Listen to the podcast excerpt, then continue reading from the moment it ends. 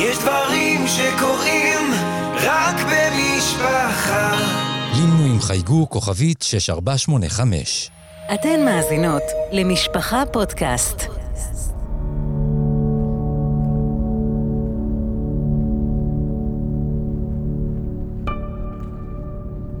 מה אומרים?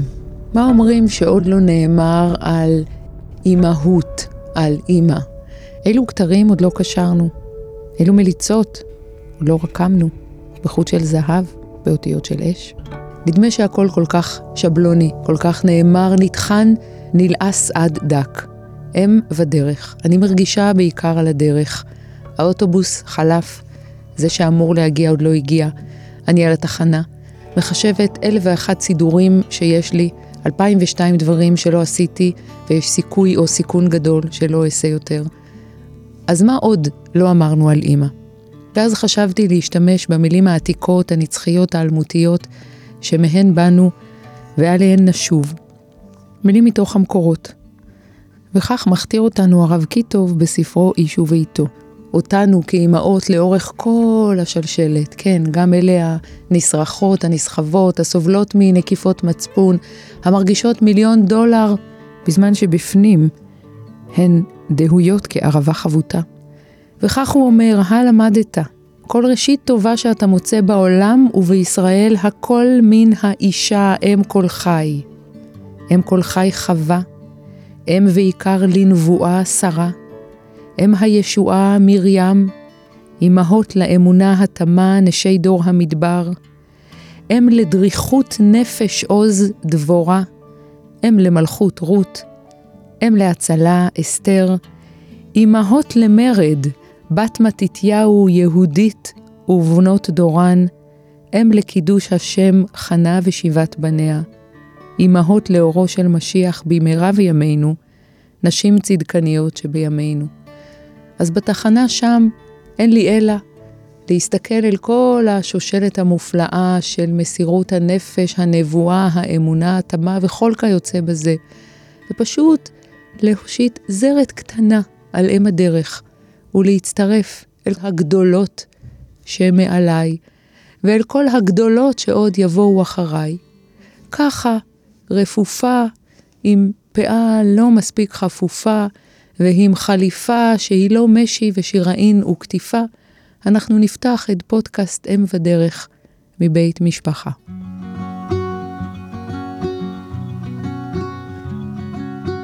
שלום, אני אתי הייזלר, אני יועצת חינוכית ופסיכודרמטיסטית, לפעמים גם קוראת וכותבת, וחוקרת את הגשר שבין המחשבה היהודית לדורותיה, ובעיקר המחשבה החסידית, לבין המחשבה הפסיכואנליטית על נפש, על התפתחות נפשית, על אזורים נפשיים כואבים וגם שמחים.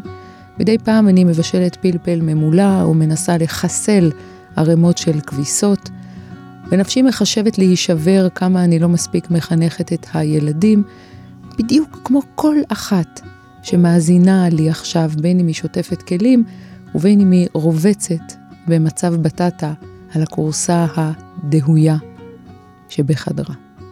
ביחד נשוחח, נדבר, נקשיב, נפתח מקום על כוס קפה או תה צמחים, מימיננו ערימות של פחמימות או הרים של אה, ירקות. נעשה שיח של אימהות, אימהות של רגעים קטנים, אימהות של רגעים גדולים. ננסה להבין משהו מאוד בסיסי, מאוד עמוק, מאוד גבוה, מאוד נמלץ, הכל ביחד בערבוב כמו מרק ירקות מהביל, משהו על איך להיות אימא בעולם הזה, בדור הזה, בעידן שבו שום דבר לא מובן מאליו, כי הכל כבר כל כך מדובר ונשחק. אני מזמינה אותך בכל מצב צבירה שבו את נמצאת כרגע. ברוכה הבאה, התחלנו.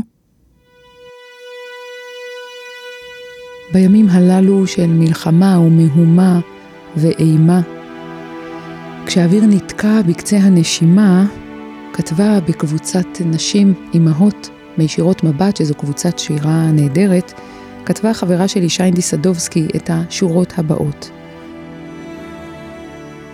מאמי, את המרחב המוגן בתוך כל הבלגן, את הצנזור והדובר השקרן, את בצו שמונה במטבח, ומתוקים אצלך זה אמל"ח.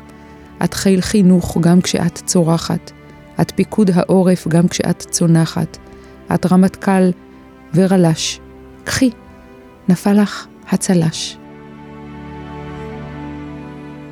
אני רוצה לשוחח היום אה, עם אישה מוארת, גרה בבית אה, בודד. צידו האחד פונה אל אמותינו שבמערת המכפלה, וצידו השני אל כרמים מלוא כל האופק. רינה אריאל, שלום. שלום, שלום מתי. את באה אלינו מקריית ארבע, נכון. מההר ה... הגבוה. ומהאופק הנפלא שמזדקר ממנו מגדלה של מערת המכפלה. נכון. ואיתך אנחנו רוצות uh, לדבר היום על uh, אימהות, שיש בה גם uh, רכיבים של כאב, של חסר, של שכול, מהמם. ברוח הימים האלה, שהם רמים ונישאים, אבל נושאים בחובם הרבה מאוד כיסים של צער. אז uh, אולי תספרי לנו על אותה גדר ואותם כרמים, שדרכם פרץ השכול לחייך. מהמם. אני אספר אתי סיפור שעד אה, עד למלחמת שמחת תורה, זה היה בעיניי אחד הסיפורים המזעזעים. ופתאום זה הפך להיות הסיפור של כולם, כי חדירה לבית ורצח של ילדה בתוך בית, זה בין הדברים שאף אחד לא רוצה לדמיין, ואף אחד לא, אף אחד לא רוצה לפגוש, וזה כאילו החדירה לתוך המקום הכי הכי הכי בטוח והכי מוגן. ופתאום אחרי המלחמה האחרונה זה סיפור של כל כך הרבה. ולא רק אנשים שגרים בעוטף ישראל, גם אנשים שגרים במרכז, שאומרים, רגע, זה גם יכול לקרות לי מחר. גם אני בבית גבוה, גם אני גר בתל אביב או בני ברק, מי אמר שזה לא יקרה לי? אז החדירה הזאת, שלצערי הייתה לנו לפני שבע שנים, מחבל אה, קפץ מעל הגדר, קריית ארבע מוקפת גדר, הרבה יישובים ביהודה ושומרון מוקפים בגדר, ולאור יום עבר את הגדר, רץ בתוך הכרמים, הגיע אלינו הביתה. כמו שאמרנו, אנחנו גרים בבית בודד, בעלי אה, קורם ויינן, מכין יין, מגדל גפנים, אז הבית מוקף גפנים, ובלי להתבלבל, פתח את החלון ושחט את הלל, הלל הייתה בת 13 וחצי, ילדונת מהממת, יפהפייה, טהורה, שחט אותה במיטה, והסיפור לא נגמר, אה, הוא הסתתר בבית, הוא נשאר אצלנו בבית. ובעלי שייך לכיתת כוננות, היום זה כבר מילה שעם ישראל למד להכיר. כמעט בכל יישוב, בכל מקום, יש את הכיתות האלו, אבל עד עכשיו זה היה דבר מיוחד לנו. הוא היה שייך לכיתת כוננות, וברגע שהמחבל נגע בגדר, הייתה התראה, וההתראה הזאת היא הובילה לכך שגם הצבא הגיע אלינו, וגם כיתת כוננות, וגם עמיחי בעלי. אף אחד לא ידע מה קורה. הם חדרו הביתה, שלושה לוחמים, והתנהל קרב בתוך הבית. בתוך הקרב הזה, המחבל, ברוך השם, חוסל ונמנע טרור הרבה יותר גדול. וזה אחד הניסים, דרך אגב, שאנחנו אה, מחזיקים. ועמיחי ניצל בקרב. יכול להיות שאם הוא היה רק נכנס הביתה בלי לדעת, בלי להיות מודע, המחבל היה מחסל אותו. אה, לוחם אחד איבד עין, והסיפור נגמר. הסיפור רק התחיל, אבל הסיפור נגמר. אנחנו רואים את זה, אנחנו רואים בתוך השכול הזה גם ניסים. א', שבאמת אה, עמיחי ניצל. שוקי, הלוחם הנוסף, איבד עין, אבל הוא חי, הוא כרגע גם לוחם במלחמה הנוכחית. ולא רחוק מאיתנו הייתה שכונת קרוונים של משפחות, זוגות צעירים עם ילדים קטנים. לו חס וחלילה המחפל לא היה מחוסל אצלנו והיה מצליח איכשהו להמשיך למעלה, יכול להיות שהיה משחטה בשכונת קרוונים צעירה. רינה, אני רוצה רגע לעצור אותך, ברשותך, ולהחזיר אותך לרגעים האלה. אולי זה קצת צהוב, אבל uh, אני חושבת שזה משמעותי. איפה את באותם רגעים? מתי את מבינה? איך את מבינה? מה קורה לך שם ב, ברגעים האלה שבין החיים והמוות של בתך? אני בכלל לא שם. אה, באותו זמן עבדתי בירושלים, ואני ככה באחת השכונות מחכה לאיזה פגישה, ויש לי כמה דקות לפני, ואני ברכב, וחברה שלי מתקשרת אליי ואומרת לי, רינה, הכל בסדר אצלכם? ואני אומרת לה, למה, מה? והיא מאלו שיודעות הכל. והיא אומרת לי, לא, לא, לא, אולי אני טועה, הכל בסדר, ונתקע מהר. אז ישר התקשרתי לבעלי עמיחי, אמרתי לו, הכל בסדר. אומר לי, שום דבר לא בסדר, הייתה חדירה, ואז הוא אומר לי, הלל נפצעה, ותכף אני חוזר אלייך. ואז הוא משאיר אותי ככה, אני לבד באוטו, עם הידיעה שהלל נפצעה, ואני זוכרת שאני רושמת וואטסאפים כמו מטורפת, תקראו שערי שמיים, תתפללו. הלל נפצעה, אנחנו לא יודעים מה המצב שלה, ועד שאני גומרת להעיף את זה, אני חושבת, בכל קבוצה אפשרית, עמיחי מתקשר ואומר לי, נרצחה. אמ, וזהו, וזה הסיפור. ואני בירושלים ברכב, עמיחי בבית ליד הלל, ו... וזהו. זהו שמקפל בתוכו תהומות. כן, אני לבד ברכב, ואני אמורה להחליט מה אני עושה, ואני חושבת שאותו רגע נפלה לי תובנה הראשונה מיני רבות, שאין מצב שאני מתפרקת. כאילו, אני חייבת לבחור פשוט לנהוג. אין מצב שאני יושבת לבד ברכב ומתפרקת. אני נוהגת. ועמיחי אומר לי, פשוט תנהגי הביתה. אני מתחילה לחזור הביתה, אומרים לי, לא, לא, לא, מביאים את הלל לבית חולים. אז אני עושה יו, משנה את הכיוון, נוסעת לבית חולים. לא, לא, לא, זה לא הבית חולים הזה, זה בית חולים אחר. בסוף הגענו לשערי צדק, לחדר הטראומה, בעצם להיפרד מהלל. ותוך כדי הפרידה המטורפת הזאת, אני זוכרת שנכנסתי לחדר טראומה, ראיתי אותה וצרחתי שמע ישראל. אני חושבת שזה הזכיר לי, זה היה שמע ישראל של רבי עקיבא.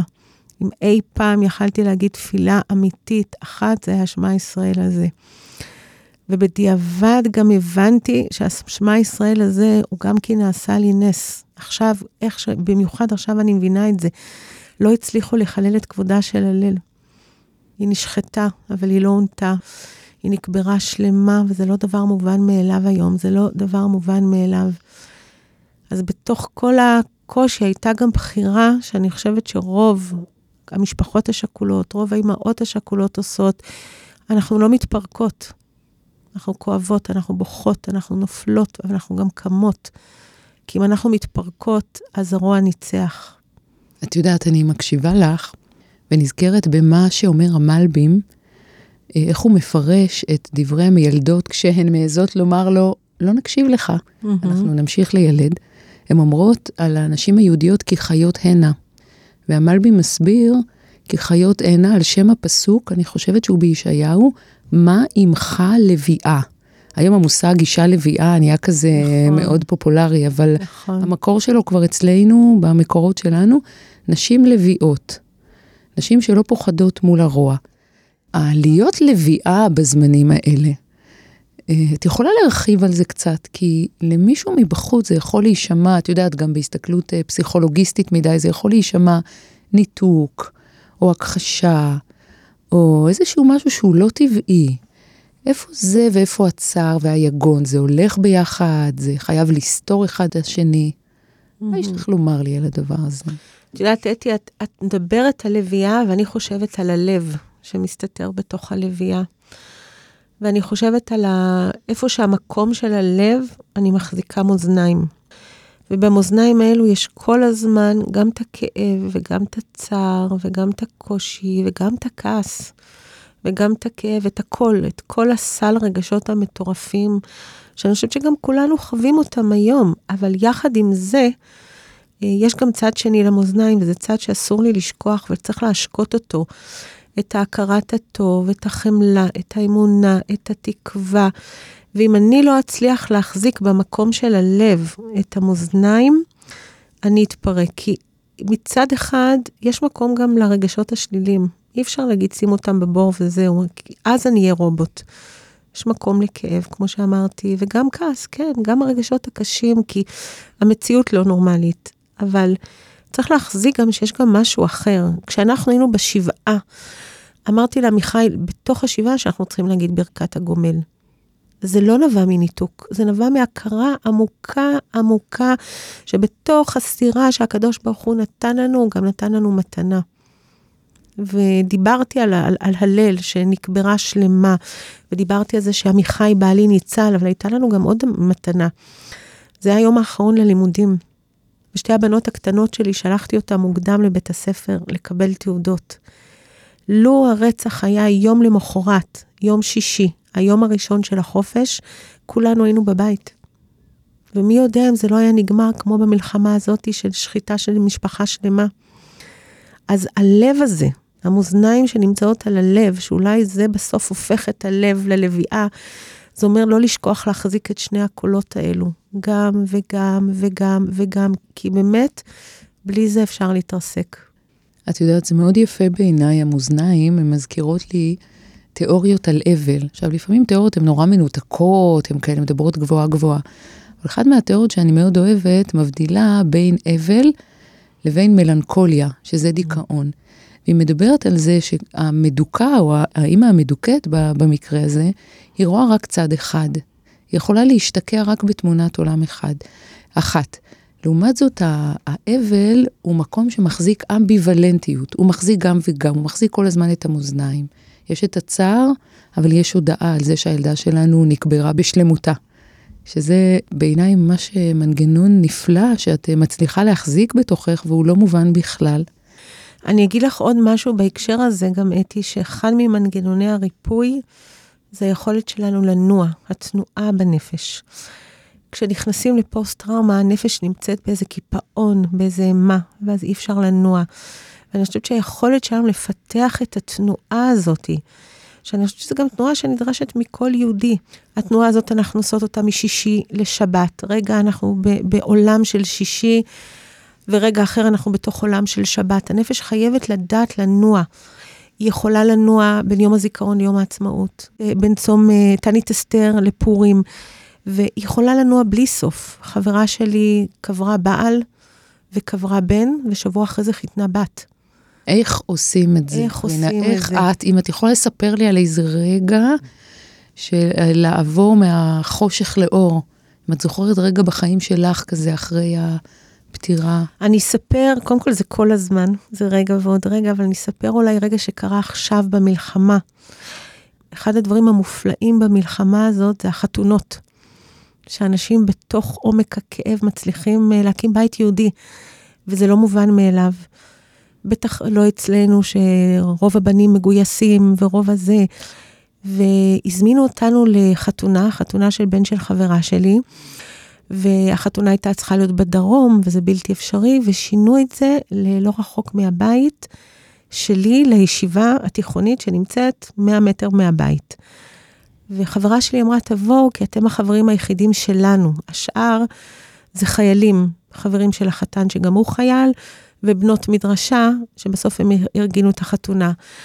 ואנחנו מגיעים לחתונה ושמחים והכול, ופוגשים את הכלה ואת האימא ואת האבא ואת החתן, ואז מגיעים לחופה. ופתאום אני מסתכלת על עמיחי, בעלי, והוא מסתכל עליי, ואנחנו קולטים שהמקום של החופה זה בדיוק המקום שהספדנו את הלל. אותה נקודה. ואנחנו מוצאים את עצמנו בוכים בטירוף ושמחים בטירוף. ואני חושבת שההכרה הזאת, שעמדנו שם רחוק מהאנשים, מסתכלים אחד על השני ובוכים, ואחרי זה הולכים לחבק את אימא של הכלה, שגם היא הייתה שם אז, ו- ושמחים, ואז יורדים לחתונה ושמחים, גומרים עם החתונה, עולים למעלה במדרגות למשפחת דוכן, שהבן שלהם נהרג בצבא, והם ביקשו שאנשים יעמדו ללוות אותם לקבורה.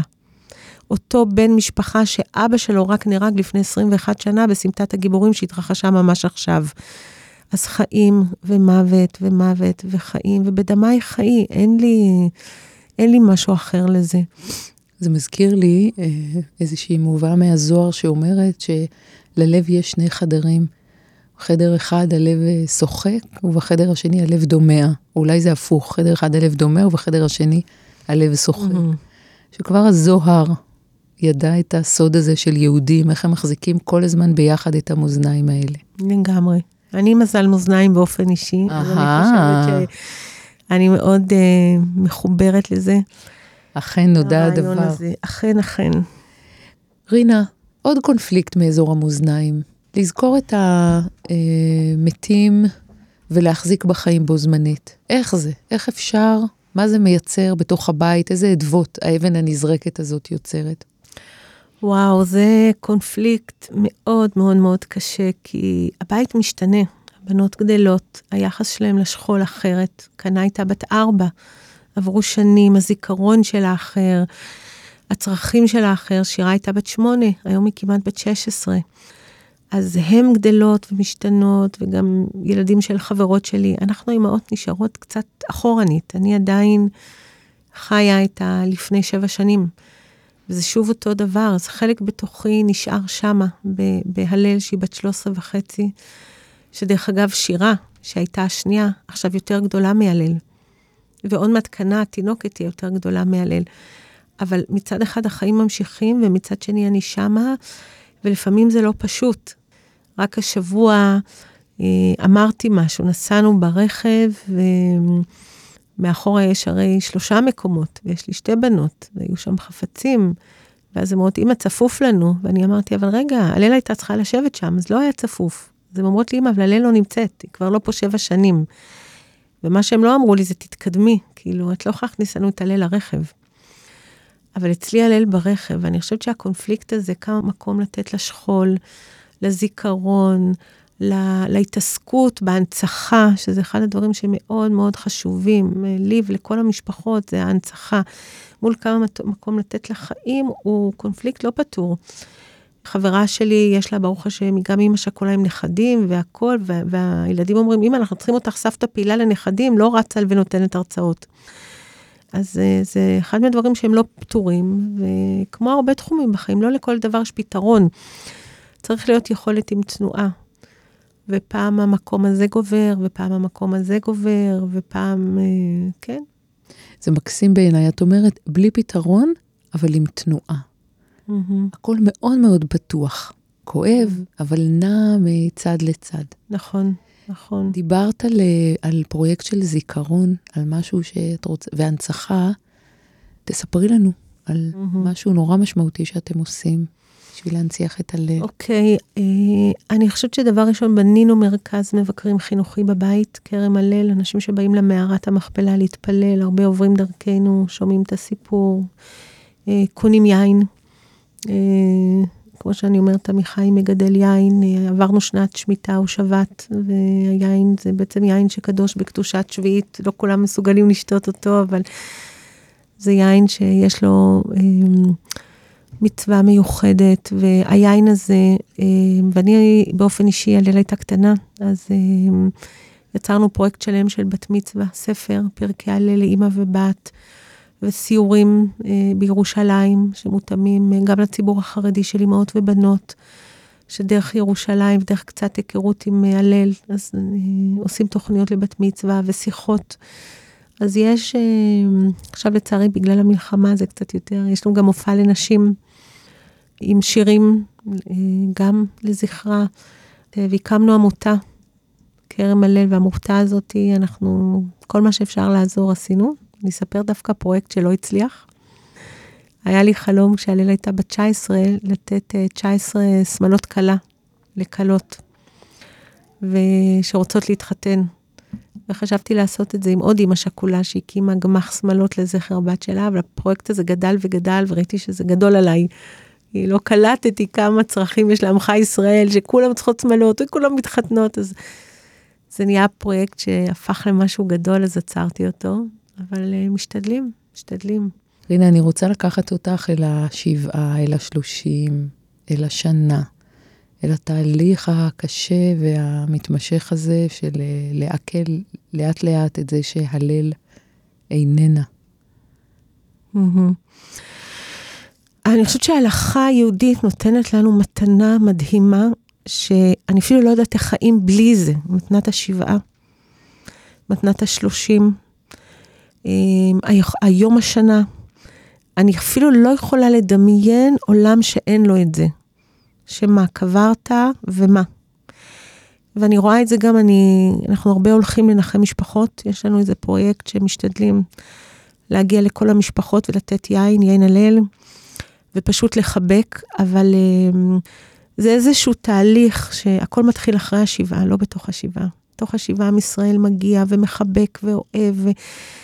ואחר כך לאט לאט הדלת יותר ויותר נסגרת, ולאט לאט אנחנו יותר עם עצמנו, ושם צריך באמת יותר מקום, והשלושים זה עוד נקודת ציון, ויום השנה זה עוד נקודת ציון. עכשיו זה תהליך של אה, רצו ושוב, רצו ושוב כל החיים, שיש רגעים של אור בוודאי, ורגעים של שמחה, יחד עם כאב שהוא לא נתפס. וזה מאוד מעניין, אה, כשאנחנו ישבנו שבעה, בנימין נתניהו, שגם אז היה ראש ממשלה, בא לנחם אותנו, והוא אמר לנו, אני רוצה להגיד לכם משהו בתור אח שכול. לא בתור ראש ממשלה, הוא גם אח שכול. אחיו יוני נתניהו נהרג, והוא אמר שהשכול זה כמו צלקת. הצלקת לא עוברת. לפעמים אפשר לא להרגיש אותה, לפעמים היא, היא, היא כואבת מאוד, ולפעמים מגע קטן פתאום אה, אה, על, על הצלקת הזאת, היא פתאום אה, מפרקת הכל ופתאום היא נורא נורא כואבת. מגע שכאילו בשביל מישהו אחר היא כלום. ואני חושבת שזה מה שמאפיין אותנו, שיכול להיות יום שגרתי והכל בסדר, ופתאום משהו קטן אה, יכניס את הזיכרון של הליל, אה, יחזיר אותי בדיוק לנקודת הרצח. את יכולה לספר לי על רגע כזה? אני חושבת שזה אין סוף רגעים כאלו שהלכתי פעם ברחוב ומרחוק ראיתי מישהי שדומה להלל, או איזה אירוע, שפתאום אה, משהו שהלל הייתה אומרת, או פתאום לראות את החברות שלה.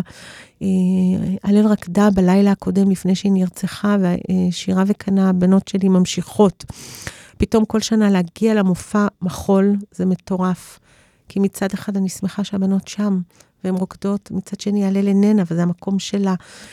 יש אין סוף מקומות כאלו. ואני חושבת ששוב, זה המאזניים, זה לתת מקום לכאב, לתת מקום לקיבוץ הזה, לתת מקום, מקום לצלקת שכואבת, אבל אחרי זה להבין שאנחנו ממשיכים. אין ברירה. רינה, היו ימים שהלוויה הייתה במיטה, או הייתה מוקפת בערימות של טישו אה, מהוע כזה? לא. אנחנו באים ואומרים שלכל אחד יש כל מיני מנגנונים. בעבודה הטיפולית אנחנו מדברים הרבה פעמים על גשר מאחד, זה גם uh, משהו שככה היום מאוד אוהבים. לכל אחד יש איזה מנגנון התמודדות שלו. מה זה גשר מאחד? ספרי לנו קצת כן. על הגשר המאחד כן, הזה. זה דווקא אחד הדברים באמת שהעברנו פודקאסט שלם על זה, אבל יש לנו um, כל מיני דרכים של התמודדות. אני חושבת שאם נכיר אותם ונדע מה נכון לנו באופן אישי, נדע גם uh, להשקות נכון את הצורך. אז יש גוף, אני אגיד את זה במשפט, כי זו שיחה בפני עצמה, גוף ושכל, ויש דמיון, ומשפחות, ואמונות, ומחשבות, וכל מיני דברים כאלו. אני מוסיפה בסוף גם את התף של תפילה ותודה. אה, זה באמת אה, שיחה בפני עצמה, אבל אחד המנגנונים שלי זה באמת הפעילות. היכולת לפעול. ואני חושבת שכל אחד צריך לדעת לדייק. אם אני בפעולה, אז אני במקום uh, טוב יותר. דרך אגב, גם עכשיו, בהרבה קווי חירום שאני נמצאת בהם לאור המלחמה, ואנשים הרבה פעמים מתקשרים, אחד הטיפים, שזה הרבה יותר מטיפ כזה, אחד הדברים שעוזרים לאנשים להתמודד זה למצוא עיסוק, למצוא תעסוקה, למצוא פעילות. שהרובד הכי נמוך זה באמת uh, כל פעילות שגרתית. אז זה יכול להיות כביסה ולהכין אוכל ולנקות את הבית ולנקות את המדפים. הרמה הגבוהה יותר זה פעילות שיש בה נתינה לזולת, זה יכול להיות בבית, לתפעל משפחה, או למי שיש הורה קשיש, או ילדים, או... זה יכול להיות כמובן פעילות החוצה, משמעותית לקהילה. זה יכול להיות תפילה, תפילה היא גם פעילות, מישהי שלוקחת על עצמה, אני גומרת uh, כל יום ספר תהילים בזמן המלחמה, וזאת התרומה שלי. זוהי עבודה שבלב, זו חתיכת פעילות. זה חתיכת פעילות, אני אומרת, זה גדול עליי, אני, אני אישית לא, אבל יש כאלו שעושות, וזו פעילות מדהימה, אז כל פעילות שהיא קודם כל השגרה, ואז יש בה נתינה ומשמעות, וככל שהמשמעות עולה יותר, אז הפעילות הזאת היא, היא מרפאה. אני יכולה להביא דוגמה שהבת שלי ביקשה, הבת שלי בכיתה י', שירה, ביקשה לצאת ליום התנדבות בחקלאות, חקלאים צריכים. אז הראש שלי, שהוא ראש פעיל, אמרתי, יאללה, נוציא הסעה שלמה. אם שירה רוצה, אז הוצאנו אה, 53 אנשים מקריית ארבע ליום התנדבות ועוד מיניבוס, ובעזרת השם נוציא שבוע הבא עוד מיניבוס, אם יהיה בסדר מבחינת מזג האוויר. מה הם כתבו? לאיזה שדה הם הלכו? הלכנו לשדות של מפוני גוש קטיף, שהם עברו את כל האובדן הגדול, התיישבו מחדש, בנו שוב, והמלחמה הזאת עכשיו טרפה להם עוד פעם את הקלפים. אז היינו יום אחד בחממות של צמחים, יום אחד כתפנו כוסברה ופטרוזיליה גוש קטיף, ועכשיו אני מקווה שאולי נעשה עגבניות. ו... אז בעצם, ובאים איתנו צעירים ומבוגרים, ועצם הפעילות היא מרפאה. וכל מי שעבר יום כזה אמר, וואו, הרגשתי שאני תורם. הגיע אצלנו פצוע צה"ל ובנות 16 ואדם בן 70, אז היכולת שלי למצוא את הגרעין שאני פועלת, ושוב, זה, זה, זה יכול להיות הכל. זה כלי ריפוי מאוד מאוד מאוד חשוב בעיניי ובעיני כולם. ואני אוסיף על זה מרכיב חשוב שאסור לנו גם לפספס, שבתוך הפעילות, אחד הדברים הנורא חשובים זה תנועה ופעילות גופנית. לא לשכוח את זה. אנשים שהם בחרדה, ההתכווצות הזאת, ההצטמצמות הזאת, הכאב בטן הזה, הקיבוצים האלו, אחד הדברים שמרפאים זה פשוט אפילו הליכה, לצאת ללכת עם חברה, לעשות כל פעילות גופנית אפשרית, כל אחת עם ה... לנו יש חדר כושר מהמם בקריית ארבע, ובזמן המלחמה הוא מלא נשים, וכל אחת יוצאת באורות. אז כל הדברים האלו ביחד, הם, הם נותנים את הכוח, את המשמעות. אז את אומרת שהמלחמה הזאת, יש אה, סיכון שתוציא אותנו בטטות קורסה, אבל יש סיכון שכל אחת מאיתנו תהפוך להיות ככה אה, אישה אתלטית וגמישה ונוכחת. עזבי לא צריך, צריך רק את התנועה בשביל הבריאות, הבריאות הנפשית שלנו. ושכל אחת לא תשכח את זה בתוך הדאגה. יש המון אימהות שהמלחמה שלהם זה להיות uh, בבית יותר שעות עם הילדים, והיותר לבד, והפחות... Uh, לא לשכוח גם את היכולת הזאתי. של להיות נוכחת. כן, כן. להיות בכאן ובעכשיו. כן. אני גם, אם את אומרת נוכחת, אולי גם יכולה להגיד איזושהי קשיבות. גם לעצמנו, שגם אם את אימא, גם אם את סבתא, גם אם את בעמדת נתינה, לא לשכוח גם את עצמנו, את, ה, את המקום שלנו. אה, ולפעמים צריך להכיל את עצמנו. איך את עושה לך מקום, רינה? את יכולה לספר על קשיבות לעצמך, מה היא כוללת? כן, אז אני חושבת שקודם כל זה הנקודה הזאת שמה עושה טוב. אני, אני אגיד משהו שאני אומרת אותו הרבה, זה לקחתי מרמה בורשטיין, אולי אני חלק מכירות אותה, היא במאית אה, חרדית, והיא יצרה שני סרטים בשעתו, אה, מעניינים. אה, אז היא פעם אמרה שלכל אחד בחיים הוא פוגש את עצמו באירוע נותן ואירוע לוקח. אני יכולה כרגע, אה, נגיד, לאכול אוכל, והרגשתי שזה עשה לי טוב. אני יכולה לאכול אוכל והרגשתי שעשיתי משהו לא טוב לעצמי. אותו דבר כמובן במעלות רוחניות, אה, קראתי ספר, האם זה רומם אותי או זה הפיל אותי. צפיתי במשהו, האם זה חוויה שרוממה אותי או חוויה שהפילה אותי. עכשיו, על המישור הזה, זה גם המישור הרוחני, אבל גם המישור הנפשי הפשוט. אני נמצאת באירוע, האם הוא מפיל אותי ומשאיר אותי בלי כוחות, או האם הוא מצליח לרומם אותי. ואני אתן דוגמה, אה, כשאנחנו הולכים לשבעה, שוב אמרתי, אנחנו משתדלים ללכת הרבה עכשיו, זה בלתי אפשרי להגיע לכולם. אני מרגישה את זה בתור שליחות. ואני מרגישה שזה מרומם אותי. חברה שלי, שהיא גם אימא שכולה, אמרה לי, רינה, אני לא יכולה ללכת לשבעה, אני מתרסקת מזה. אז, אז זה לא שהיא טובה יותר או פחות, או אני טובה יותר או פחות, אלא כל אחת מדייקת מה הדבר שמרומם. ואם אני יכולה לעשות משהו שהוא גם נתינה, אה, אבל גם אה, מעלה אותי באיזה קצת, קצת בסולם, אז זאת השליחות שלי. ואם אני עושה משהו וזה מפיל אותי, אז, אז לא. אז לא. אה, זה נורא נורא משמעותי, המקום הזה.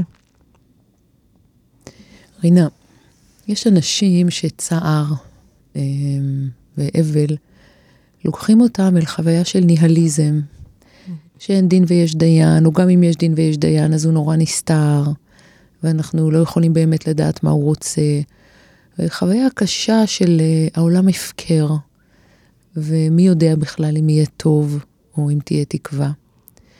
את סיפרתי ככה בכמה דקות של המינגלינג לפני שנכנסנו, על אה, איזשהו פרויקט שאת מאוד עסוקה בו בשנים האחרונות, שהוא כל כולו נשיאת עיניים לעתיד, עם הרבה מאוד תקווה ואור. ספרי לי עליו קצת, עוד קצת. כן, אני חלק מקבוצה גדולה של נשים, נשים למען המקדש. אנחנו ממש אה, יצרנו לפני הרבה שנים אה, ממש תנועה, תנועה של נשים. תנועה יחידה, אני חושבת, בעולם של נשים שהן מאוחדות יחד לפעול אה, למען המקדש. יש הרבה מישורים. בעבר אפילו אספנו זהב. ממש. ממש. נתת את היה- הענק שחמותך אז קנתה לא, לך? אבל ביקשנו מנשים, שכל מישהי שמוצאת שיש לה איזה עגיל, שהגיל השני נעלם, או צמיד שנקרע, או שרשרת שהיא כבר לא זה, אז, אז ככה שתיתן ולא, ולא תשמור סתם או תזרוק. הייתה תקופה באמת שאספנו זהב. מה עשיתם עם הזהב הזה? נתנו את זה למכון המקדש, שככה, אה, חלק מהעבודה שלו זה גם בנייה של כלים. אז זו הייתה תקופה כזאת שתרמנו. יש לנו היום אומניות ממש. חברה שעושה תכשיטי מקדש, אחרי הרצח של הלל, אה, היא עשתה לי במיוחד אה, תכשיט שיש בו שער ובית המקדש פשוט. שעכשיו, לנו זה משמעותי, כי אנחנו גרים בעיר האבות, ומעבר לזה שזה הדרך שאברהם אבינו צעד לכיוון העקדה, הוא עקד את אה, יצחק בנו שם על הר המוריה. זה לא רק זה, זה גם אה, דוד המלך. דוד המלך נמצא בעיר האבות שבע שנים לפני שהוא מגיע לירושלים ומולך על ירושלים. אז אני רואה חיבור אדיר בין אה, קריית ארבע, חברון, לבין ירושלים. אז אחרי השבעה, שחברה שלי יצרה לנו את התכשיט, תכשיט עם בית המקדש, ואני מסתובבת, וזה נותן תקווה שאברהם הלך בדרך הזאתי, דוד המלך הלך בדרך הזאתי, ואנחנו הולכים בדרך הזאתי. של אה, ציפייה למקדש, כמיהה למקדש. אני אספר קצת מה אנחנו עושים. אז אה, אה, לפני כמה שנים ככה, נורא רצינו להבין את הסיפור של הלחם. הלחם שנמצא במקדש, גם לחם הפנים וגם מנחות שמביאים. יהודי שעלה בזמן בית המקדש להקריב, הוא יכל להביא מנחה מסולת. איך עושים את הפיתה הזאתי, הלאפה הזאתי?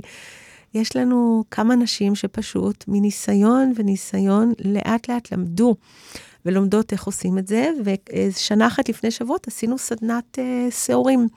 עשינו סדנת uh, לחם, פשוט להבין איך, איך ייראה הלחם הזה, או לחם הפנים, כמו שאמרתי, או מנחות, מה בפועל אנחנו צריכות לעשות, איך מנפים, איך מערבבים, כן מחמצת, כן שמרים, כן סוכר, לא סוכר, לא סוכר. איך, שזה היה סדנה מאלפת. יש לנו גם uh, תכשיטנית, ועשינו סדנת תופי מרים. מרים השתמשה על התופים לגאולה, אז עשינו סדנה של נשים, וכל אחת קיבלה בסוף תוף. יש לי כזה תוף בבית שיגיע רגע, נוכל לצאת uh, בתופים ובמחולות. יש לנו כמובן הרבה uh, הרצאות, חלק אפשר לראות אותם ב- בכל מיני מקומות. עשינו במשך שלוש שנים מלווה מלכה בזום. שהיה שם אה, כל מיני שיעורים מאוד מעניינים. אחד זה המקדש בפרשה, אחד זה מדרש מקדש, המקדש שמופיע במדרשים. אחד זה המקומות בארץ ישראל שקשורים לבית המקדש. אוקיי? שפשוט להכיר, בוא נכיר את ארץ ישראל. אז כל העשייה הזאת היא, היא עשייה שבעיניי אה, היא מקדמת את הגאולה. עכשיו שואלים אותנו, אוקיי, אז למה דווקא נשים?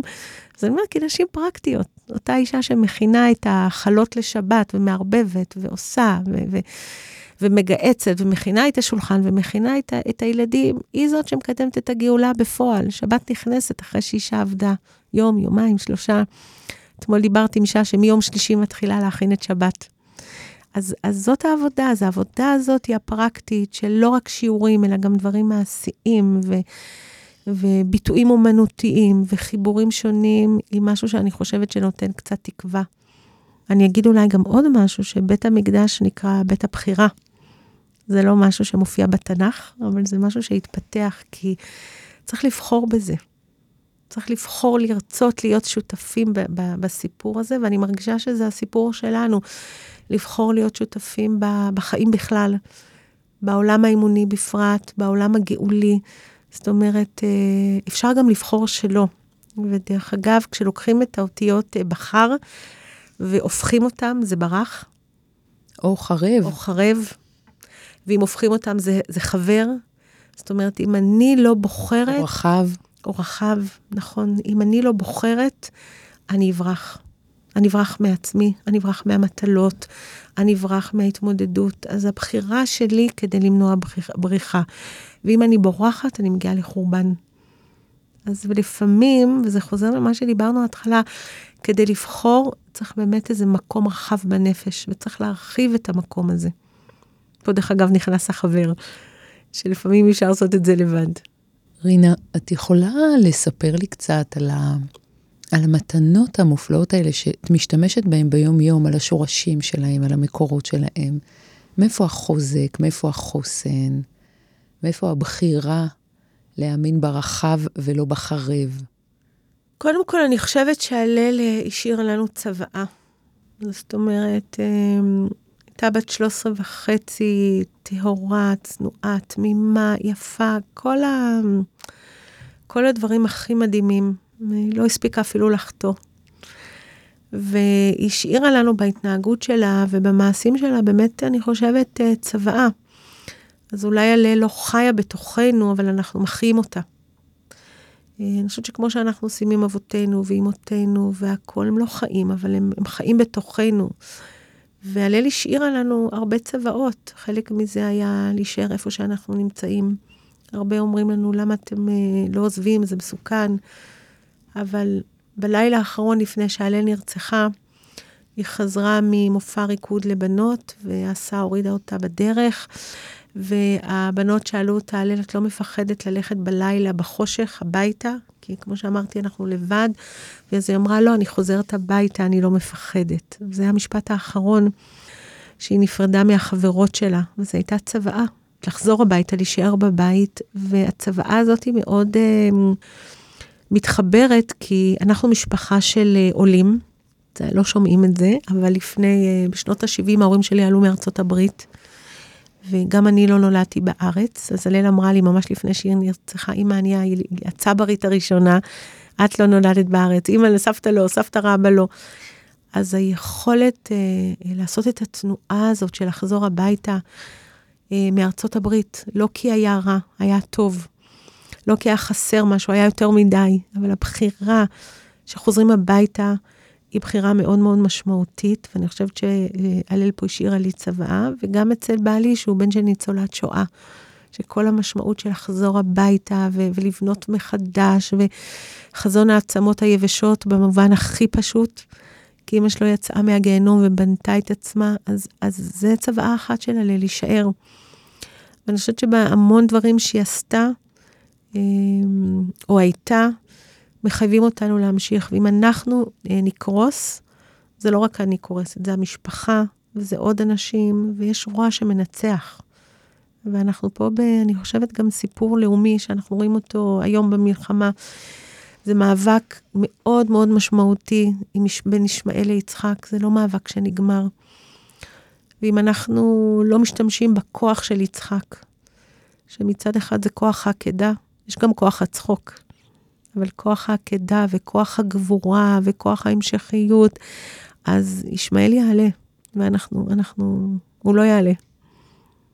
אני רוצה להישאר עם, ה, עם הביתה הזה, וחושבת על אה, אחד מחכמי הגמרא, שאומר, מעולם לא קראתי לאשתי אשתי, אלא לאשתי ביתי. ביתי, כן. על הבית שהוא האישה, על הבית שהוא הבית, על הבית שהוא ארץ ישראל, על הבית שהוא בית המקדש.